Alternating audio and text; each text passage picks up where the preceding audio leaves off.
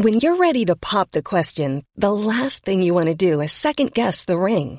At Bluenile.com, you can design a one of a kind ring with the ease and convenience of shopping online. Choose your diamond and setting. When you find the one, you'll get it delivered right to your door. Go to Bluenile.com and use promo code LISTEN to get $50 off your purchase of $500 or more. That's code LISTEN at Bluenile.com for $50 off your purchase.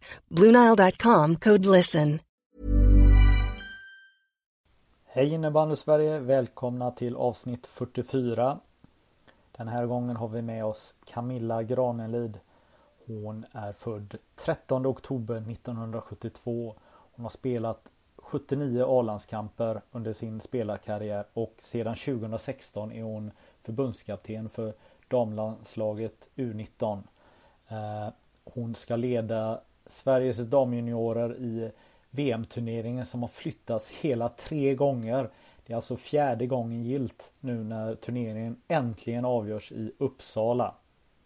Det är ett fullspäckat eh, avsnitt såklart. VM Uppsala kommer vi prata om mycket. Vi kommer prata om truppen och hur hon eh, tänker kring laget. Vi kommer också prata om eh, när hon var Pride-talare under Falu Pride för ett tag sedan. Utöver det så kommer vi prata om eh, Faluns damers resa. Eh, Camilla var ju med under 14 säsonger och då gick man ju till slutspel egentligen alla år utom då när man åkte ur och sen eh, under den perioden vad som hände med laget samtidigt som herrarna gick som tåget fyllde sin hemmaborg och vann SM-guld så hade tjejerna det tufft på många sätt. Nu kastar vi oss in i det här avsnittet och vi börjar med en massa snabba frågor. Så nu kör vi. Välkommen Camilla Granelid.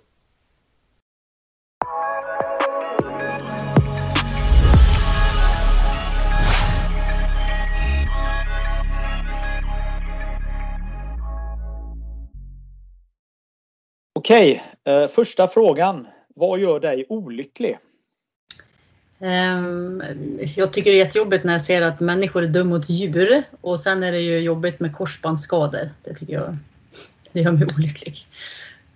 Har du någon egen erfarenhet av korsbandsskador? Ja, det har jag. Men eh, när man ser unga spelare som liksom, eh, alla elitidrottare som råkar ut för det. Mm. Ja, usch. Vem skulle spela rollen som Camilla i filmen om Camilla Granelid? Ja, det måste ju bli Jennifer Gardner heter hon va? Hon är ju cool och sen så om jag skulle, då kan jag ju titta på mig själv och sen är jag en superhjälte och snygg sån också. Det var ju gött om man får kolla på sig själv och tycka så någon gång. Ja, ja. ja bra val. Eh, vilken bok har eh, förändrat ditt liv?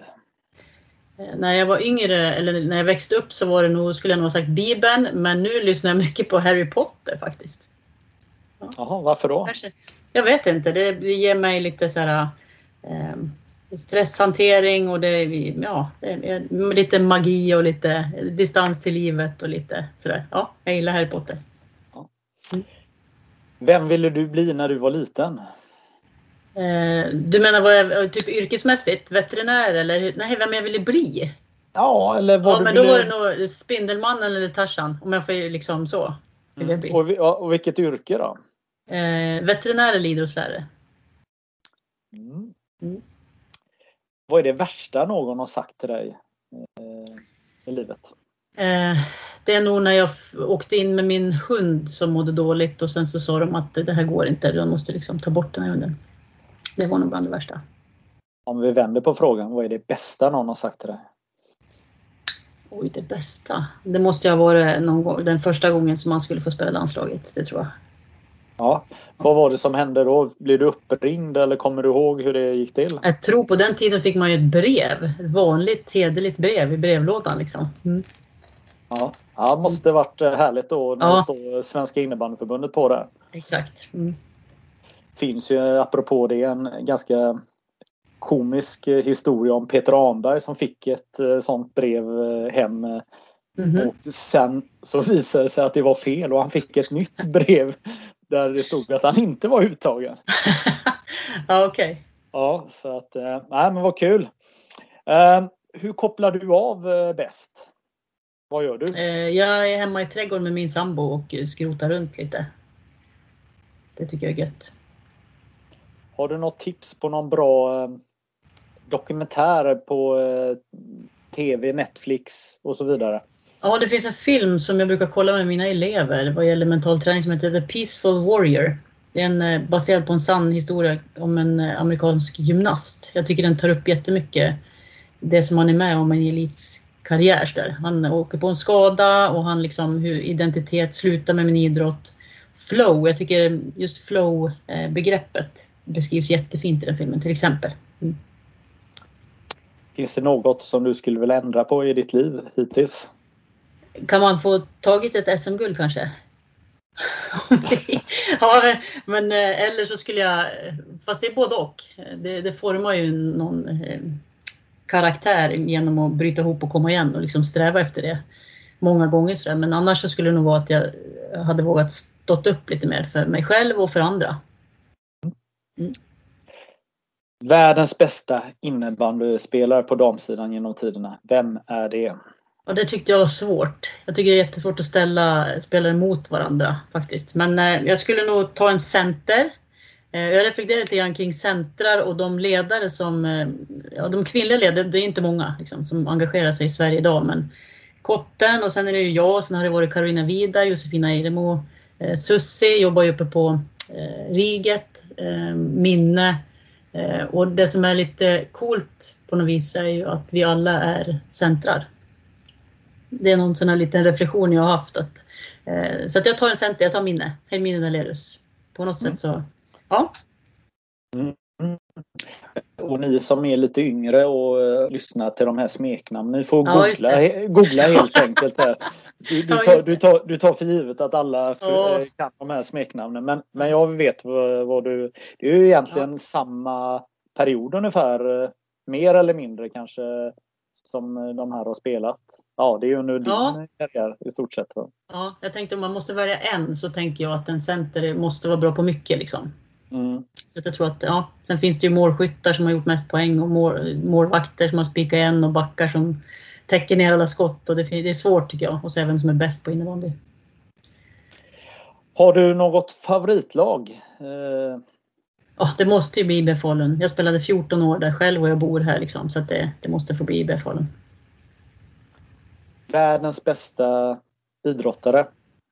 Eh, ja, jag skulle nog ta en mångkampare i friidrott eller någon sån här eh, elitgymnast som tävlar i, i flera grenar. Det finns ju någon sån här mångkam inom musik också. Det måste ju vara den närmaste superhjälte man kan komma liksom. Tycker jag. Mm. Mm. Okej Camilla, nu ska du berätta om ditt All-star team som du skulle vilja ingå i. Kan du berätta vilka ser du framför dig? Ja, men då blir det ju spelare som jag själv eh, har spelat med. Så det här är ju också gamla namn. Eh, men då skulle jag ju ställa Sofia Pettersson i målet. Och sen skulle jag ha eh, Malin Karlgren som vänsterback. En, en gammal backklippa som spelar lätt och rätt och vinner alla dueller. Så skulle jag ha Jessica Holmgren från Pixbo i, som högerback. Eh, och sen så skulle jag ha Karina eh, Rosell faktiskt till höger, om jag själv ska vara center. Och Maria Nilsson, Maria Nisse Nilsson till vänster. Vi spelade EM för länge, länge sedan, men det var eh, fantastiskt att spela tillsammans. Ja, just det. Hon mm. i Balrog, va? Ja, gjorde hon. Ja. Eh, bra val. Eh, men du fick inte med Hermine då? Det är för att ni spelar på eh, liknande Vi bytte med varann ofta. Ja. ja. Exakt. Ja. Ja, bra val. Ja. Ja, Camilla, välkommen till uh, innebandypodden. Hur är läget? Jo, men det är bra. Det är lite mycket just nu, men det är ju bra. Mm. Mm. Eh, både du och jag är ju från den berömda årskullen födda 1972. Jag har ju redan hunnit uh, fylla 49. Vad, är det någonting du ser fram emot? Oh, jag vet inte, jag kommer att spela EFT då tror jag faktiskt. Att jag är, får fira i Finland, tror jag att det är faktiskt. Eller jag kan vara ute och cykla, men någonstans där i närheten. Det blir väl nästa år vi ska smälla till och fira lite. Exakt. Ja. Hur, hur, hur, ser du på livet uh, so far? Men man är ju tacksam för alla år man får. Är det något man ska samla på så är det väl år. Mm. Känner jag. Um när jag tänker på dig så eh, ser jag dig som innebandyspelare. Jag ser inte dig som coach och tränare. Vad, hur ser du på dig själv? Jag ser nog mig mer som tränare än coach också faktiskt. Utifrån att jag har varit det mindre del av livet. Liksom. Men tränare är ju varje dag på innebandygymnasiet och jag har varit tränare i Falun och sådär. Så att coach är ju eh, kanske den minsta delen av min identitet. Eh, om vi tar från början här, kan du berätta hur du eh, startade innebandy? Eh, för på, det var en gång, vad säger man, på, på fäderens tid eller vad, vad brukar säga. Eh, nej, men för jättelänge sedan så, så startade jag i Alunda. Liksom när innebandy var ny. Vi byggde vår egen, egen sarg på träslöjden, sydde våra egna matchshorts. Det var ju liksom på den goda tiden. Ehm, sen tog vi oss till högsta serien eh, med den här lilla liksom, klubben från landet. Åkte ur och då hade jag fått vara med och nosa på något landslagsläger. Ehm, så att då insåg jag att jag måste flytta om jag ska kunna fortsätta min liksom, landslagssatsning. Så då var det Falun. Och sen flyttade jag hit 95 och sen har jag bott här sedan dess. Jag spelade 14 säsonger i Falun, 10 år i landslaget. Ehm, och sen har jag varit med, engagerad kring landslag. Jag är ju 19 då. Mm. Ja men precis, då var du 22-23 år då när du flyttade. Mm. På den tiden så var det inte jättevanligt att man ändå flyttade för sin innebandy eller hur, Jo men det var, det var ju några som, som liksom valde att eh, göra en satsning. Ja det var kanske ändå Ja det, var det. Balrog, Högdalen. Eh, dit flyttade ju en hel drös. Och, ja. ja. Nu kanske jag tänker mer på herrar där för, för, att eh, det var fler som var lite mer ängslig tänkte jag på, på den tiden men visst det, det var väl eh, som du säger mm. spelare mm. som, som, som flyttade då men varför blev det åt det hållet då? Jag hade lärt känna några i landslaget som spelade i Falun och tyckte att det verkade som en, en bra förening med ett bra gäng. Liksom. Eh, Falun var ju en eh, maktfaktor på damsidan under mm. väldigt många år. Eh, hur minns du den eh, tiden? För det är ju som liksom pärlor i, i minnet, eller på att säga i skattkistan sådär. Det var ju fantastisk tid liksom med um, fantastiska spelare som vi spelade med. Mm. 14 säsonger som spelare. Mm. Men ingen, uh, ingen pricket över i eller vad säger man? Ja. ja, nej precis. Silver och brons till en hel julgran liksom. Det har jag. Mm. Mm. Vad, vad var det som gjorde att ni inte gick hela vägen? Jag tror det är svårt att ringa in liksom, utifrån att man byter trupp, man byter tränare. Um, så att jag tror att det kan vara liksom olika anledningar olika år och sådär. Um, mm. och, ja, nej, så det är svårt att ringa in tycker jag. Vad det var som gjorde att vi inte tog det. Det kan ju bli att det blir en, en press till slut liksom. Och att det går lite troll i det och sådär. Att det blir för hög anspänning och blir för stort liksom. Jag vet inte. Under den här perioden så är det ju flera lag som har såna här riktiga guldår om man nu säger mm. så. Vi har, vi har Högdalen och vi har Balrog. Båda lyckas vinna mm. fyra guld i rad. Var, det var ganska frustrerande att, eh, att de kom och, och sopade rent som de gjorde, eller? Jo, det är klart att det, att det var det. Samtidigt så, så var jag ju med och vann betydligt fler matcher än jag förlorade liksom, totalt i min karriär. Så där. Men ju, man ska ju vinna de som gäller något på slutet också. Mm. Mm. Vad, vad var det Högdalen hade som var bra då? Ja du, det här var ju ett tag sedan också det här. liksom. Ja, de var väl bättre helt enkelt. Nej, men ja. det, jag vet faktiskt inte riktigt. Kanske fler målskyttar eller ja, jag vet inte riktigt vad, vad det var som tippade över åt deras fördel. Liksom. Ja, men det var under många år så vann då eh, Stockholmslag SM-guld mm. på, på damsidan. Mm. Eh, det kanske var eh, deras upptagningsområde var gynnsamt under den här perioden eller? Ja, kanske. Det är möjligt. Mm. Mm. Ja. Uh, Okej, okay. uh, när jag tittar på din karriär här och uh, så ser jag ju att säsongen 2006-2007 som spelare då mm.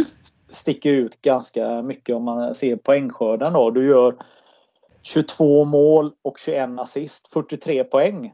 Det, Mm. var, ju, det var ju snyggt jobbat. Ja, det, det var efter min korsbandsskada faktiskt. Så det var, eh, och det var den säsongen som jag inte spelade i landslaget för första gången. Då jag själv tycker att jag gör mig, om jag fick välja en säsong så är det den. Eh, men då eh, fick jag inte, blev jag inte uttagen. Så det är en lite märklig säsong på så vis. Ja. Varför blev du inte uttagen då? Jag tror att jag var för gammal. Mm, ska vi se, 2007. Du Jag var ju var 30 år, ja.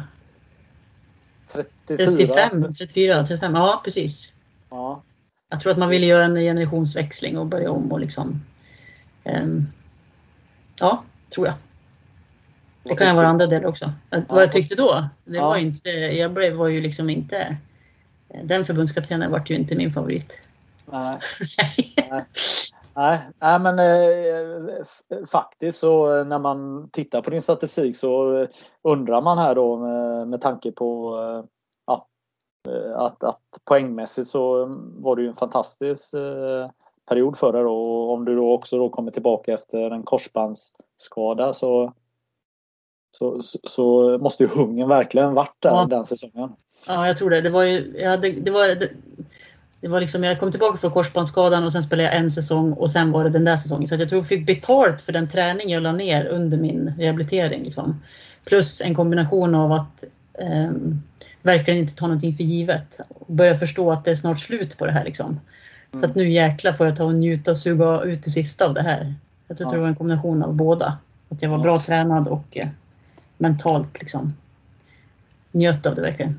Ja precis. Mm. Ehm, och sen så har du då två VM-guld. Du var eh, med och vann det första VMet på Åland eh, 97 och sen Ja. så vann du 2003 i, i Schweiz. Om vi, om vi börjar med det första Mm. VMet på Åland var eh, Ja, det var ju första gången och, och det var ju året efter eh, herrarna hade haft den här Globenfesten och så Mm. åkte ni till Åland och eh, vann. Vad, vad minns du om eh, det guldet? Det är ju snart 25 år sedan. Ja, precis. Men det är fortfarande så bluppar upp liksom minnesbilder från, från matchen, från eh, de galna grejer vi gjorde utanför banan. Liksom. Och de fula kläder vi fick som representationskläder. Det var liksom några, några tröjor som man fick typa bak och fram. Det var för att de inte... Nej. Så att det sitter ju minnen kvar liksom, fast det var så länge sedan. Eh, Och sen den känslan att få sätta på sig den där hatten liksom, efteråt och sådär. Mm. Ja. Men matchställen var ju nästan som snyggast runt den här perioden. Alltså de här Puma-kläderna. Alltså Ja. matchtröjorna var ju snygga, eller? Men sjukt stora. Alltså om man tittar, tar fram dem så här, men gud varför valde man XL liksom? Jättestora. Men, men, det, men det tror jag var under den här perioden för jag, jag tror jag, jag såg någon eh, målkavalkad och då var det från Champions League med Manchester United tror jag från 99 och, Mm. och, och när man ser alla Beckham och eh, Jesper Blomqvist och alla de här, menar, de sprang runt i tält så Ja, det var väl så det var på, på den tiden. Ja. eh, Att kläderna Ja. skulle vara så stora som möjligt. Ja. Och sen eh, den här galna turneringen i Schweiz då. Då, är Mm. det då tänker jag ju på den här eh, vändningen som eh, Kristina Landgren eh, ja, hon kallade var det fruktsallad eller någonting att hon gjorde det. Men, men ni, ni gjorde en galen vändning. Hur, Ja. Vad var det som hände? Det, jag tror att eh, dels så hade våra hockeyherrar, Tre Kronor, hade vänt ett 4-1, 4-0 underläge precis innan vi skulle spela den där matchen. Eh, och vi hade förlorat två VM. Eh, så att jag kommer ihåg inför den där semifinalen så sa jag till Minna att fasen vinner inte vi här då, går jag hem alltså. Och sen eh, pang, pang, pang. Jag trodde de gjorde något Zorro-mål, någon finska och det var liksom en sjukt eh, trög start där. Så vi låg under med 4-1 och då kommer jag ihåg att jag gick runt i båset och bara typ skrek och sa det att kan Tre Kronor liksom så kan vi. Ja. Och sen så vänder vi ju det där och vinner med 5-4. Så det är ju ett sånt där jäkla härligt minne där man bara så adrenalin. Ja, precis. Mm. Eh, för er som eh, lyssnar här på det här eh, kanske inte hänger med här då men, men Sverige vinner alltså VM-guld 97. Sen Ja. eh, 99 så, så är det i Borlänge och då ja. missar, man, missar man finalen och man vinner inte 2001. Det var väl i Lettland. Lettland, exakt. Ja. Mm. Och så är man här då 2003 och så mm. ser det riktigt illa ut i semifinalen mm. mot Finland här och, och ja, det hade ju varit eh, nästan eh, väldigt skamligt kanske att komma hem och missa ja. ännu en, eh, en final ja. och ett guld. Ja. ja. Eh, så jag, jag, tror att jag gör 4-2 och sen så gör Vidar eh, något mål. Det, det, är sån här, det är inte så här vackra mål. Alltså det är bara skjut och gå på din egen retur och det var liksom. Ja, ja ett härligt minne. Och sen vinner ni då finalen ganska enkelt ja. mot Schweiz. Va? Ja. Jag tror Johanna ja. Ekeroth gör hur många mål som helst. Jag kommer inte ihåg hur många det blev men det var mm. proppen ur i finalen faktiskt. Mm. Precis, och det var, var väl ett ganska viktigt guld tänker jag för många i laget. Att, ja. Eh, ja, nu tänker jag att vi, eh, vi hoppar här lite mellan ämnena och jag tänker att vi eh, ska prata landslaget och U19. Det är ju äntligen dags för VM. Mm. Kan du ta oss igenom alla tankar här. När skulle det spelas egentligen första gången? När... Det skulle spelas i maj 2020 och sen har ju det här, vi har fått fyra datum för det här VMet. Sen flyttas till september så ska det spelas i maj och nu ska det spelas. Nästa helg.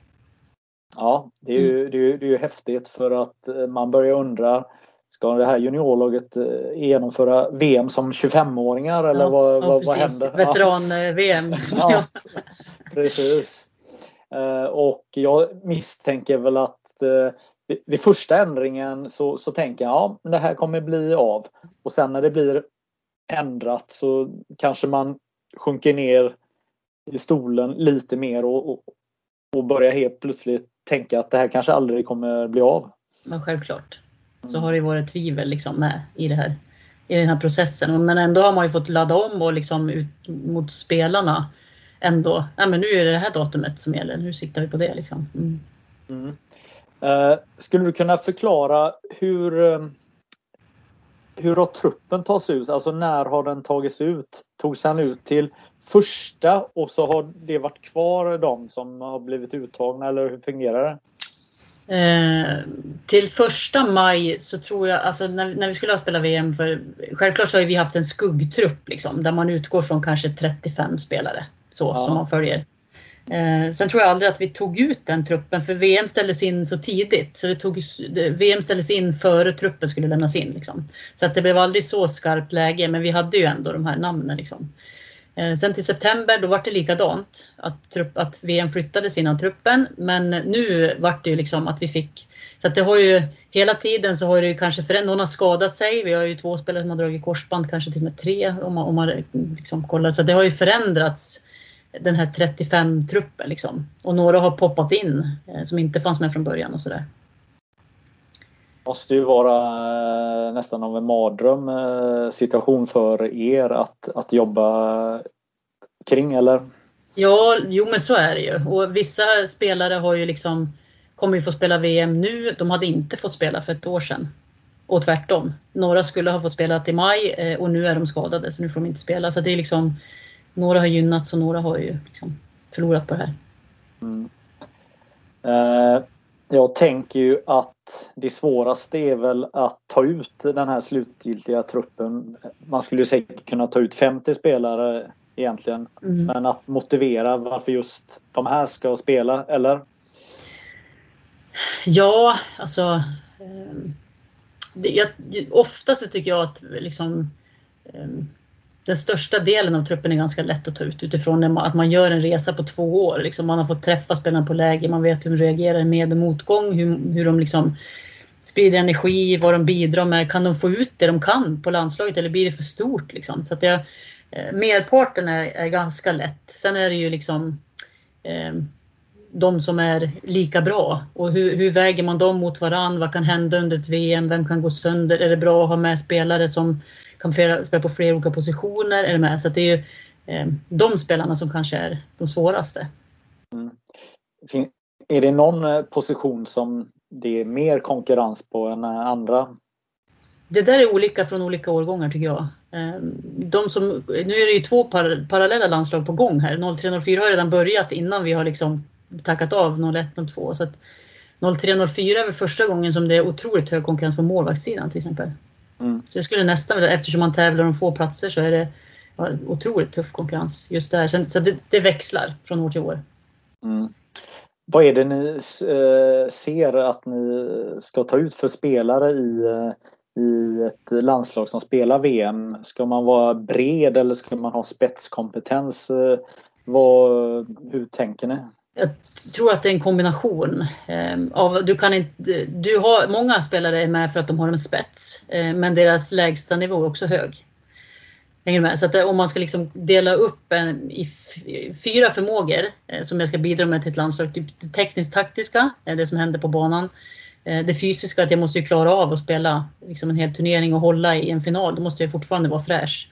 Eh, det mentala, att jag ska klara anspänning och liksom när det gäller och att jag ska ha, vara modig helt enkelt. Eh, men sen är det också det sociala, hur påverkar jag mina kompisar? Liksom? Kan jag se till att andra toppresterar? Skapar jag trygghet i min femma? Eh, och då är det ju behöver jag ha liksom en, en lägsta nivå i alla de här förmågorna. Sen har man någon spets i något och sådär. Men någonstans mm. så behöver jag liksom stämpla in på alla, tycker jag. Eh, när jag pratade med eh, herrarnas eh, U19 eh, eh, så sa han ju det att när, när de gick in i VM så var det ju väldigt många som gjorde landslagsdebut i, ja, i, VM, ja. i, VM, i mm. VM-premiären. Hur mm. ser det ut för er? Uh, uff, nej, de flesta. Undrar om inte alla har spelat landskamp. Nej, inte Tove Sandelin tror jag inte har gjort en riktig landskamp. Hon har varit på läger, men jag tror inte hon har spelat landskamp. Mm. Så det kan vara en i så fall, som jag kommer på nu. Jag, jag ska mm. inte säga, men Nej. det är inte så många.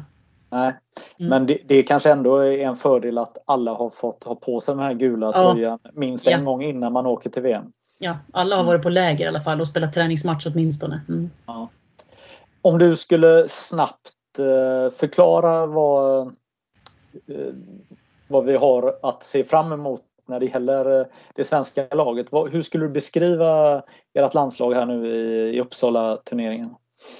Ehm, dels så tror jag att det kommer bli eh, otroligt roliga matcher utifrån att de här spelarna är ju ett och ett halvt år bättre än vad vanliga U19-spelare brukar vara. Liksom. Så att många av dem har ju tagit klivet in i en seniorkarriär så jag tror att det kommer bli ett, ett annat typ av spel där vi behåller det här frejdiga som juniorer står för men samtidigt ökad kvalitet i tekniska aktioner, dueller, mer fysiskt. Ehm, ja, så att jag tror det kommer bli hög intensitet på spelet och värt att se matcherna. Mm. Eh, om man fokuserar på eh, de fyra stora innebandynationerna ja. eller, eller de tre stora då, förutom Sverige. Alltså, vad är det du hoppas att ni gör bättre än dem i, i VM? Eh, men jag skulle ju önska att jag får se oss bestämma matcherna. Alltså, när vi har bollen så, så skapar vi målchanser. Vi liksom, eh, driver upp tempot i matchen. och har växlar mellan att hota själva och ha få tillslag. Eh, ja, verkligen spelar innebandy tillsammans med olika kombinationer. Så eh, och när vi inte har bollen så önskar jag fortfarande att vi bestämmer. Att vi, att vi liksom pressar våra motståndare till misstag, pressar dem till att spela upp bollen där vi vill. Eh, så det är liksom ett drömscenariot. Mm. Mm. Jag tänker väl att de övriga nationerna är väl ganska införstånd med att det är ni som kommer ha mycket boll och vara drivande i spelet. Hur, hur ska ni tackla deras matchplan? Eh, att, att de inte kan lura era spelare och försöka kontra sönder er och ja, vad det är nu de har ja, tänkt göra. Eh, igen, alltså, om vi ska bara se resultat och statistik så har ju Finland, eh, bör ju de vara favoriter. De har slagit oss i två av tre matcher inför det här. Ehm, de vann EFT, de vann en finkamp och vi slog dem en gång i finkampen. Så, så att det här kommer ju bli tuffa matcher. Sen är det ju, var det ju länge sedan vi drabbade samman. Liksom, så att det är ju svårt att dra några direkta slutsatser kring hur spelar Finland och vad, menar, vi måste ju direkt nu när det här startar eh, ha folk som analyserar matcher. Ja, precis. För det är väl dilemmat att det finns egentligen inga motståndare att har kollat av så. Exakt, ja. Men eh, vad mer spontant hur tjeckisk daminnebandy på frammarsch mm. och, och hur, hur tänker du kring dem? Det har ju alltid varit ett fysiskt lag att möta men nu är det ju som sagt svårt. Liksom. Det var ju, uff, när var det vi spelade i FT? 2019 liksom. Så det var ju två år sedan. Så vad, vad har hänt med de här U19-spelarna? Hur många är det som har nosat på seniorlandslag och de har inte heller spelat landskamper så det är ganska svårt. Liksom. Men man vet ju att innebandyn är ju verkligen på gång i Tjeckien. Mm. Ehm, och i Schweiz också. Så, där, så att det, ja, det, det, ska bli spännande också att se. Liksom. Mm. Det här är ju ett historiskt eh, VM eh, mm på många sätt givetvis. Mm. Dels för den här, eh, alla de här flytterna och, mm. men det är ju första som är i Sverige. Hur, ja. hur, ser, hur ser du på det? Eh, nej men det är ju en, det är en sån här dröm. Om en spelare får välja liksom, vad, vad vill du spela, då är det ju ett hemma-VM som man vill vinna. Så där. Sen är det ju bra att vi får 300 som publik, men vi hade ju gärna spelat för en fullsatt arena. Jag tror att vi hade kunnat gjort det om det hade varit bara som vanliga tider. Liksom. Eh, men vi får hoppas att de här 300 skriker som 2000. Ja, härligt. Vad, hur äh, agerar du kring matcherna? Hur, äh, vad är din roll i båset under en, en VM-match? Um, jag försöker nog um, Dels sköter jag bytena så att spelarna liksom eh, så att vi håller ner intensiteten, håller ner bytena så att inte vi går på pumpen på grund av det. Eh, men också så skulle jag vilja skjuta in mod i spelare och liksom få dem att eh, prestera och, och, när de gör bra saker så får de höra det från mig. Liksom. Eh, vad, eh, hur tänker du tidsmässigt? Vad är ett bra byte? Är det magkänslan eller är det strikt att det ska vara exakt så här många sekunder? Eller hur, hur, hur tänker du? Det är nog lite beroende på vad som händer i matchen också. Alltså, får vi ett frislag och det har gått 35, men då är det perfekt att byta för då kan de som kommer in göra någonting bra av det för de hinner prata, av, prata ihop sig och sådär. Så det är lite beroende på eh, matchsituation men annars så ska man ju försöka hålla ner det där för att inte dra på sig mjölksyra. Och att inte de som sitter i båset ska få sitta för länge liksom, utan att alla har chans att komma in i, i matchen. Mm. Eh, just den här återkoppling till spelare, att pusha dem. Vad är mm. det någonting som du själv eh, gillade under din spelarkarriär? Att, att höra en coach att vara på hugget och eh, ge återkopplingar på vad man gör bra och sådana saker? Ja, men det är bara att tänka själv liksom. Om man ska köra ett fyspass själv eller om jag har en tränare som står och skriker åt mig. jag kommer ju liksom ge dubbelt så mycket om jag har någon som, som ser mig och som jag gör det för. Liksom. Så det är självklart att jag som spelare tyckte att det gjorde skillnad när min tränare lyfte mig. Liksom. Mm. Hur får man eh, tjejerna att eh, spela som eh, de gör när de är som bäst, när de spelar i sina klubblag och inte tänka att oj nu spelar jag landslaget, nu ska jag göra det extra mm. fint eh, eller, eller överarbeta saker. Hur får man dem att förstå vad de ska göra? Men jag tror att vi eh, har lyckats eh, skapa den tryggheten med U19 dam. Jag tror det. Eh, är det någonting som vi har varit bra på så är det det tror jag. Ehm, och det jag tror det handlar mycket om en, en trygghet i gruppen, att jag känner som att jag kommer hem. Liksom. Ehm, och att jag förstår att det är okej okay att göra misstag här. Ehm, men, och att det är bättre att jag går all in och kör 100% utifrån det jag tror är rätt i ett försvarsspel eller än att jag springer runt och tvekar. Eller. Och sen mycket med individuella samtal, att man där nej men trycker på vad är det vi har sett hos dig. Liksom. Det här tycker vi du ska bidra med i landslaget, det behöver vi för att vinna matcher. Men jobba mycket med, med laget och tryggheten tror jag. Mm. Härligt. Tänker jag att vi ska byta ämne igen och gå tillbaka lite till eh, Falun. Um, Falun var ju eh, på damsidan var ju ett, ett topplag under jättemånga år men mm. uh, är det lite sämre och sämre och sämre kan man väl säga. Det, och för, ja, jag minns inte, om fem sex år sedan så var du ganska kritisk till mm. eh, Falun eh, och, mm. och damverksamheten. Kan du ta oss tillbaka till det? Vad var det som inte fungerade i, i klubben och på damsidan? Ja, men jag tror att eh, eh vi var ju så otroligt framgångsrika många, många år. Liksom. Det var ju, vi gick ju alltid till slutspel till exempel. Vi var alltid med och krigade om, om silver, guld och um, och någonstans så börjar man som förening och organisation ta det där för givet. Ehm, och det blir ett självspelande piano och det var liksom ehm, Sen gick det över mot en satsning att vi ska ha ett herrlag som också tävlar om de här medaljerna och då var det ehm, på bekostnad av damsidan tror jag att man la engagemang på herrsidan istället för att liksom kanske hitta fler människor som jobbar med det här. Så flyttades fokus och det lades mer tid och engagemang på herrsidan och sen försvann ju, vart en generationsväxling, man eh, la inga resurser på att ta in nya spelare och så vart det liksom en ond cirkel, någon spelare försvann till Mora och sen ehm, ja, så rasade det där ihop liksom. Mm. Och mitt i det här så eh, är du spelare först och sen mm. så hamnar du mer i en, en eh, ledarroll eller du, du blir eh, ledare i, i klubben. Eh. Mm. Precis. Eh, de frågar ju... Det, det, så jag var ju med när vi åkte ur. Jag var ju ledare då. Jag tillsammans med en, en eh, Sissi Hast hette hon, en, också en före detta spelare i Falun. Båda två med fantastiskt hjärta för det här. Liksom. Eh, men vi fick ju otroligt dåliga förutsättningar. Vi, fick in, vi kunde inte liksom ens ge spelarna resersättning. Och i det där skulle vi försöka skapa en trupp med lokala spelare i Dalarna. Så vi dammsög ju hela regionen, bjöd in till tryouter. Fick ju börja med nästan ett juniorlag och ett lag som hade liksom, ja, de som var duktiga i division 3.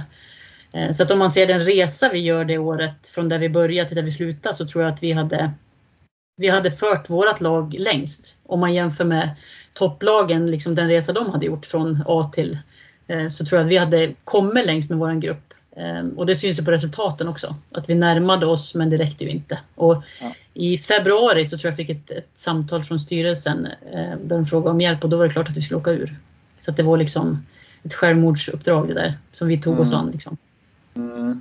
Ganska tuff uppgift. Jag tänker ja Eh, om man ser då klubben eh, blomstra på herrsidan och man ja. för första gången börjar fylla hallen, eh, mm.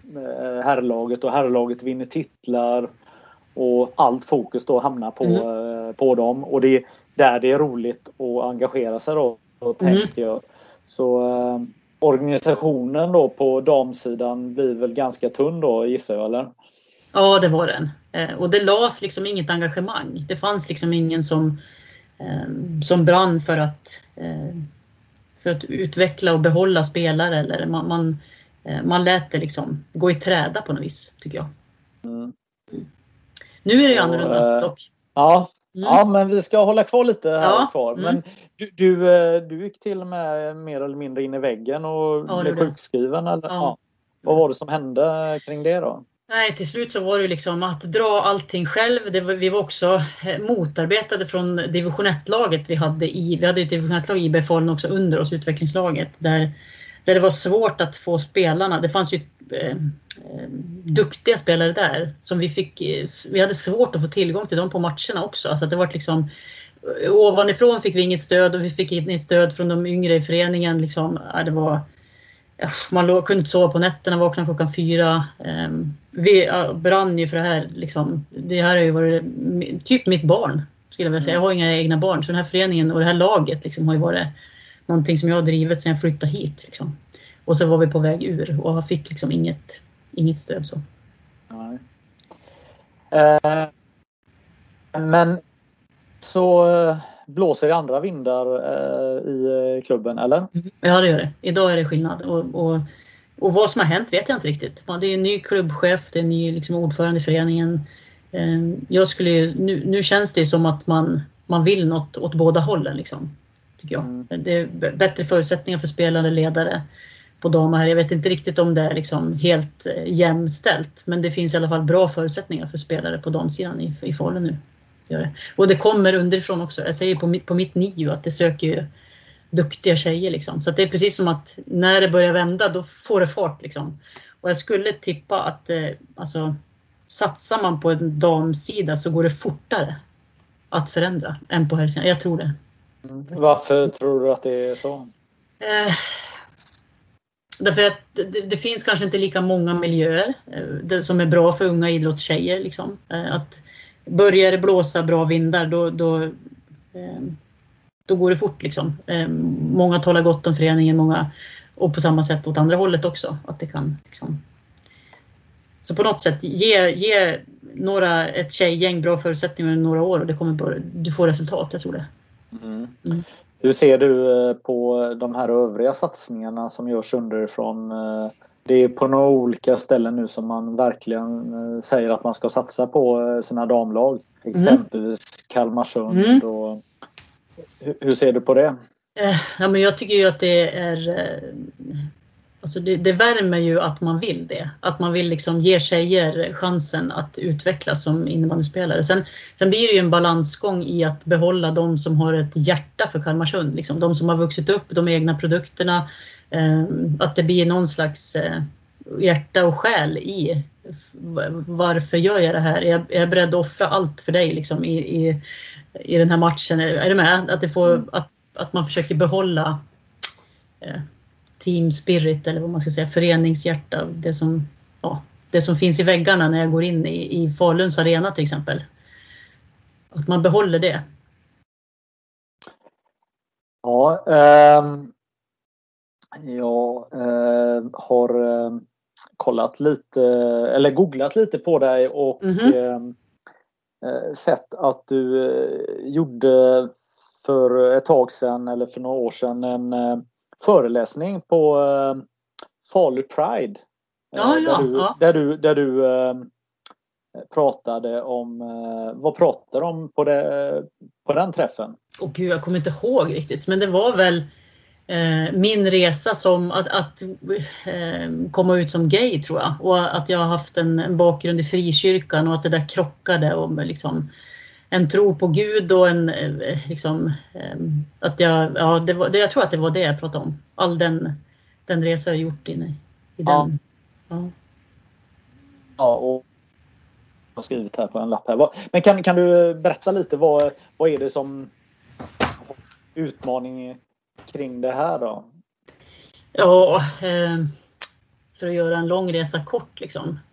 Eh, inom den frikyrka som jag var medlem så var det ju inte okej okay att bli kär i en tjej. Eh, att den, den kärleken var fel. Liksom. Det var synd och det var något som, eh, som man skulle försöka förtränga och eh, inte eh, nej, men komma över. Liksom.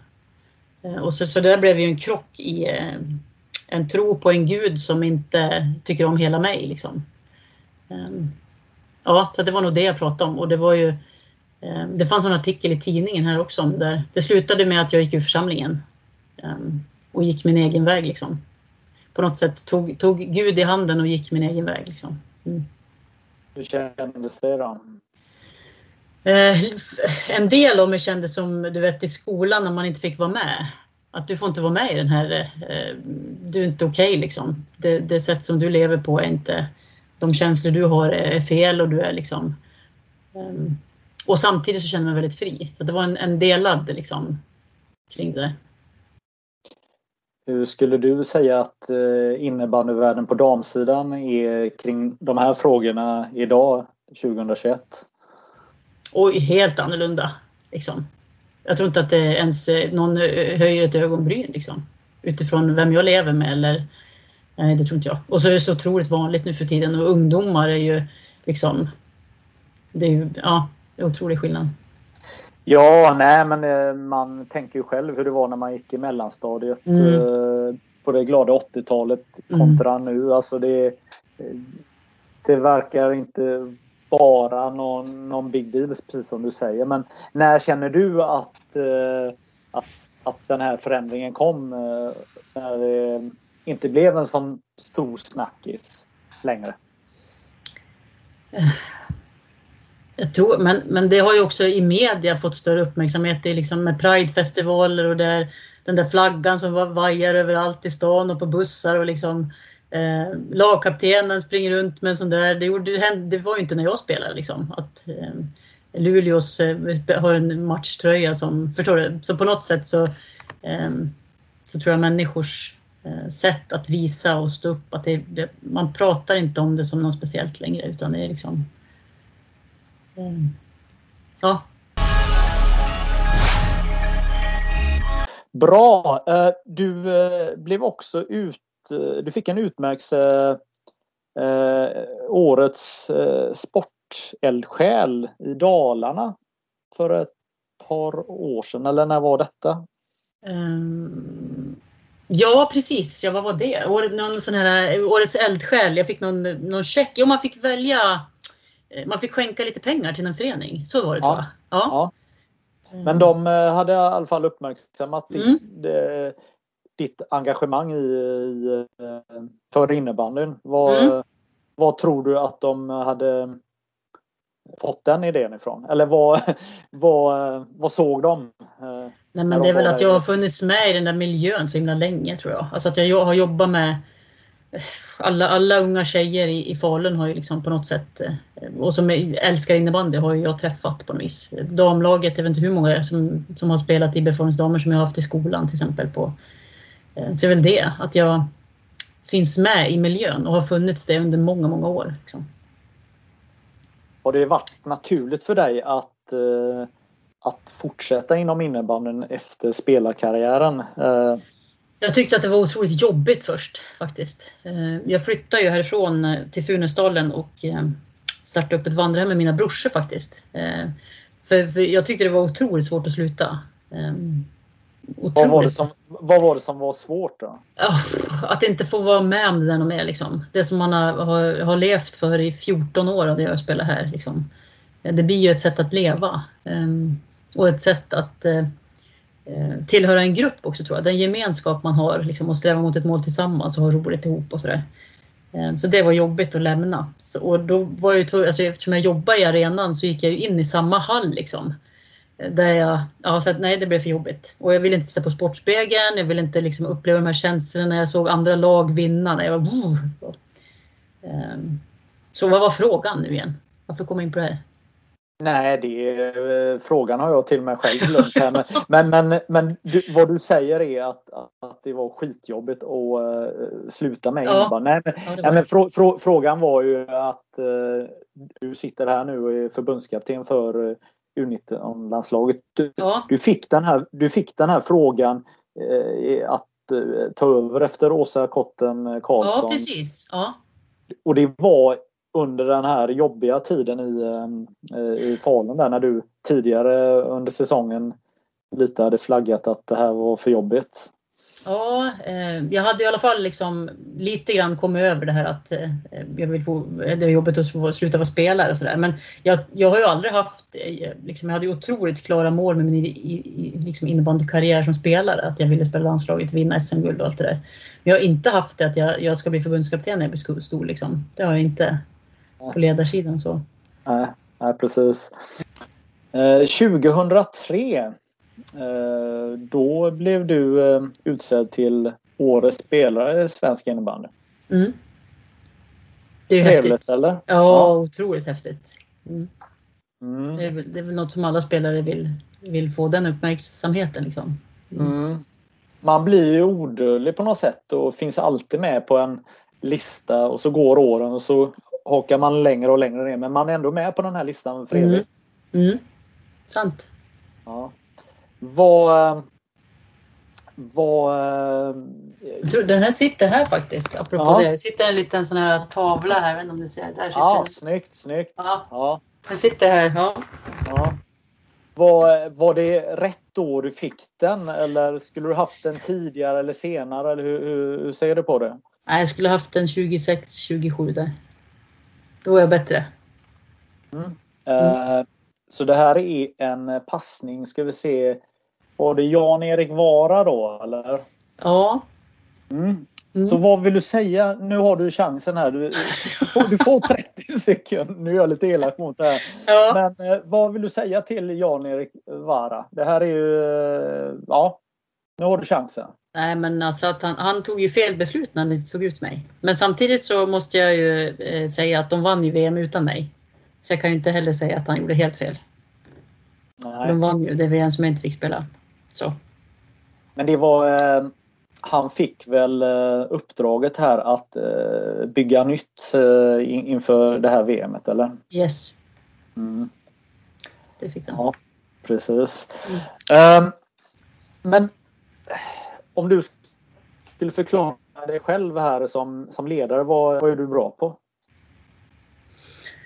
Eh, jag tror att jag är, är eh, bra på förberedelser. Eh, nu inför VM så tror jag att eh, ehm, att, eh, att, att alltså skulle man kolla på hur jag förbereder det här mästerskapet så tror jag att eh, man skulle tycka att det här är bra liksom. Utifrån alla, alla samlingar, teorisamlingar, allt ligger färdigt liksom. Just det här att skapa ordning och reda, struktur, en tydlighet i vad som är viktigt, vad ska vi fokusera på och sen också den här, en god stämning i gruppen. Liksom. Det tycker jag att jag är bra på.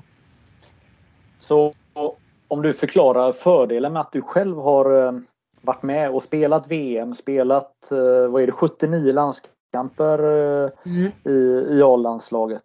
Vad, vad, vad, är, vad är fördelen som du tar med dig att du har den erfarenheten?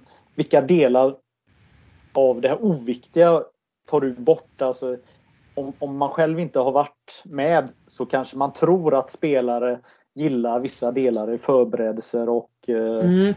vad, hur, hur ser du på hela paketet? Um, jag tror att uh, jag såg att eh, någon hade tagit något citat från uh, Claes Ingesson i hans bok. Då hade han sagt så här eh, att det handlar inte om att uppfinna fotbollen från grunden. Det handlar bara om att inspirera spelarna till att vinna den där jävla matchen. Liksom. Eh, och någonstans där, jag tycker det beskriver det ganska bra. En uppspelsvariant, ja men kommer vi vinna matchen för att vi har nött den liksom? Nej, vi kommer ju vinna den för att vi, vi går ut och ger allt liksom. Vi har ingen handbroms i, vi, vi kämpar för varandra, vi, liksom, vi är noga i allt vi gör. Så, um, så jag tror att det är är det som är det stora. Mm. Inspirera dem. Mm. Härligt. Jag tänker att vi börjar närma oss slutet här nu i det här samtalet. Men jag skulle vilja att du bara förklarar. Du har en, eh, en, eh, ett lag nu som du ska göra en avslutning med. Mm. Och sen, sen har du en, ett annat lag som du ska fortsätta med. Hur, hur ser du på det här? Eh, det är första gången som vi har två parallella landslag igång. Liksom. Eh, så det har varit mycket, I sommar har vi liksom kickat igång 03-04. Vi har precis, jag har precis suttit och eh, fixat ordning lite grann kring Talang 17-lägren för 04 som kommer ske veckorna efter vi kommer hem från VM. Eh, så att nu på något vis måste vi stänga 03-04 och bara fokusera på 01-02. Så. Mm. Eh, men det har, varit, det har varit speciellt. Uh, en fråga som kanske inte alla tänker på men som jag bara funderar egentligen så skulle ju någon i det här nya landslaget kunnat varit med i, eh, i det som spelar VM. Men jag tänker att ni på något sätt har, har eh, stängt eh, dörren på något sätt att de ska få chansen att, att slutföra det som var tänkt eller? Jo, men i, i svensk innebandy så har man ju också tagit policy, liksom beslut att vi håller oss till två årskullar. Eh, och jag tror att på lång sikt att man vinner det. Vi får flera unga tjejer som får spela landskamper och jag tror att det är en viktig pusselbit i en spelares karriär. Dels liksom när man ska sikta på nästa landslag så får vi fler utbildade spelare. Liksom. Mm. Eh, den här, det, det, finns ju en liten orättvisa i, i eh, juniorlandslagsverksamheten. Just det här att det är varannat år. Ja. Och har man otur att man är född mm. ja, jämnt år blir det väl nu då på dams sidan va? Så, så har man väl en liten nackdel. Mm. Eller hur blir det nu? Jo. Det blir 03, 04. Ja. Exakt, ja. ja hur, hur, hur tacklar man det så det ändå på något sätt blir någon form av, av rättvisa? På eller det kanske aldrig finns den här yttersta rättvisan men... På något sätt så tror jag att de eh, de börjar ju bli så pass gamla så att det där året spelar inte lika stor roll som om det hade varit 14-15-åringar. Så. Eh, sen någon slags rättvisa är det ju att de som är yngre då, de är ju med och nosar nu inför VM. Sen får ju de ett halvår till i landslaget. Eh, så de har ju lite längre, egentligen tävlar de under en längre period liksom. Mm. Man ska säga så. Mm. Precis. Men om du bara hjälper oss här. När, mm. när, när spelas nästa VM? Det går i maj 2022 så det är inte långt dit. Liksom. Vi är ju redan, det är inte så många månader bort och det ska gå på Nya Zeeland. Det är ju lite ja, häftigt. Just det. Mm. Ja, vad, om vi bara kort, vad, hur innebär det att, att åka så, eh, så långt? Vad, eh, och i, i ett sånt litet innebandyland? Ja. Nej, men det kommer ju innebära ett annat typ av förberedelse där vi får ha VM-läget brukar vi ha i Sverige och sen åker man och spelar VM. Så där. Men då måste vi ha VM-lägret i det landet och sen är det en tidsomställning liksom, som, som gör att man måste vara där några dagar bara för att ha ställt om huvudet. Liksom. Sen är det ju, att sprida sporten så kommer ju fler få upp ögonen för innebandy i det landet, så är det ju såklart. Vad bra! Jag ja. känner att eh, du har ett VM att sy ihop här och eh, jag tackar dig så jättemycket för den här pratstunden och eh, det här får vi göra om längre fram tycker jag. Eh, jättekul att prata med dig här. Eh, känner du dig nöjd? Ja, tycker jag. Mm. Jag ja, håller med. Man kan prata någonting... mycket om de här sakerna. ja, ja, ja, precis.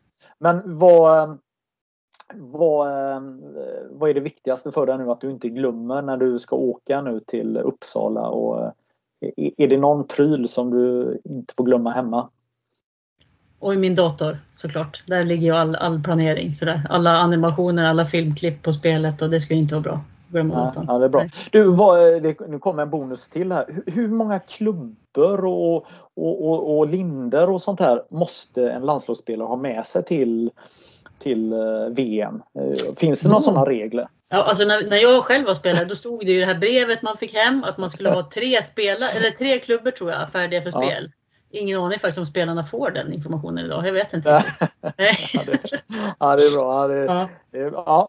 Nej, vi, eh, vi får se. Någon kanske kan hjälpa oss med vad, ja. vad, vad, det står i det här brevet. Men mm. det är i alla fall inte du som har skrivit det då. Eh, nej, nej kallelsen har jag inte skrivit. Nej. nej det är bra. Mm. Ja, eh, tack så mycket Camilla. Tack själv.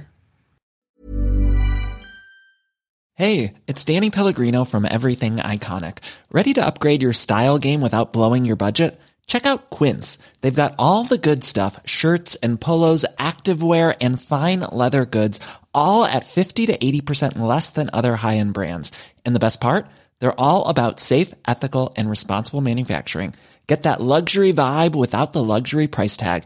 Hit up quince.com slash upgrade for free shipping and 365 day returns on your next order. That's quince.com slash upgrade.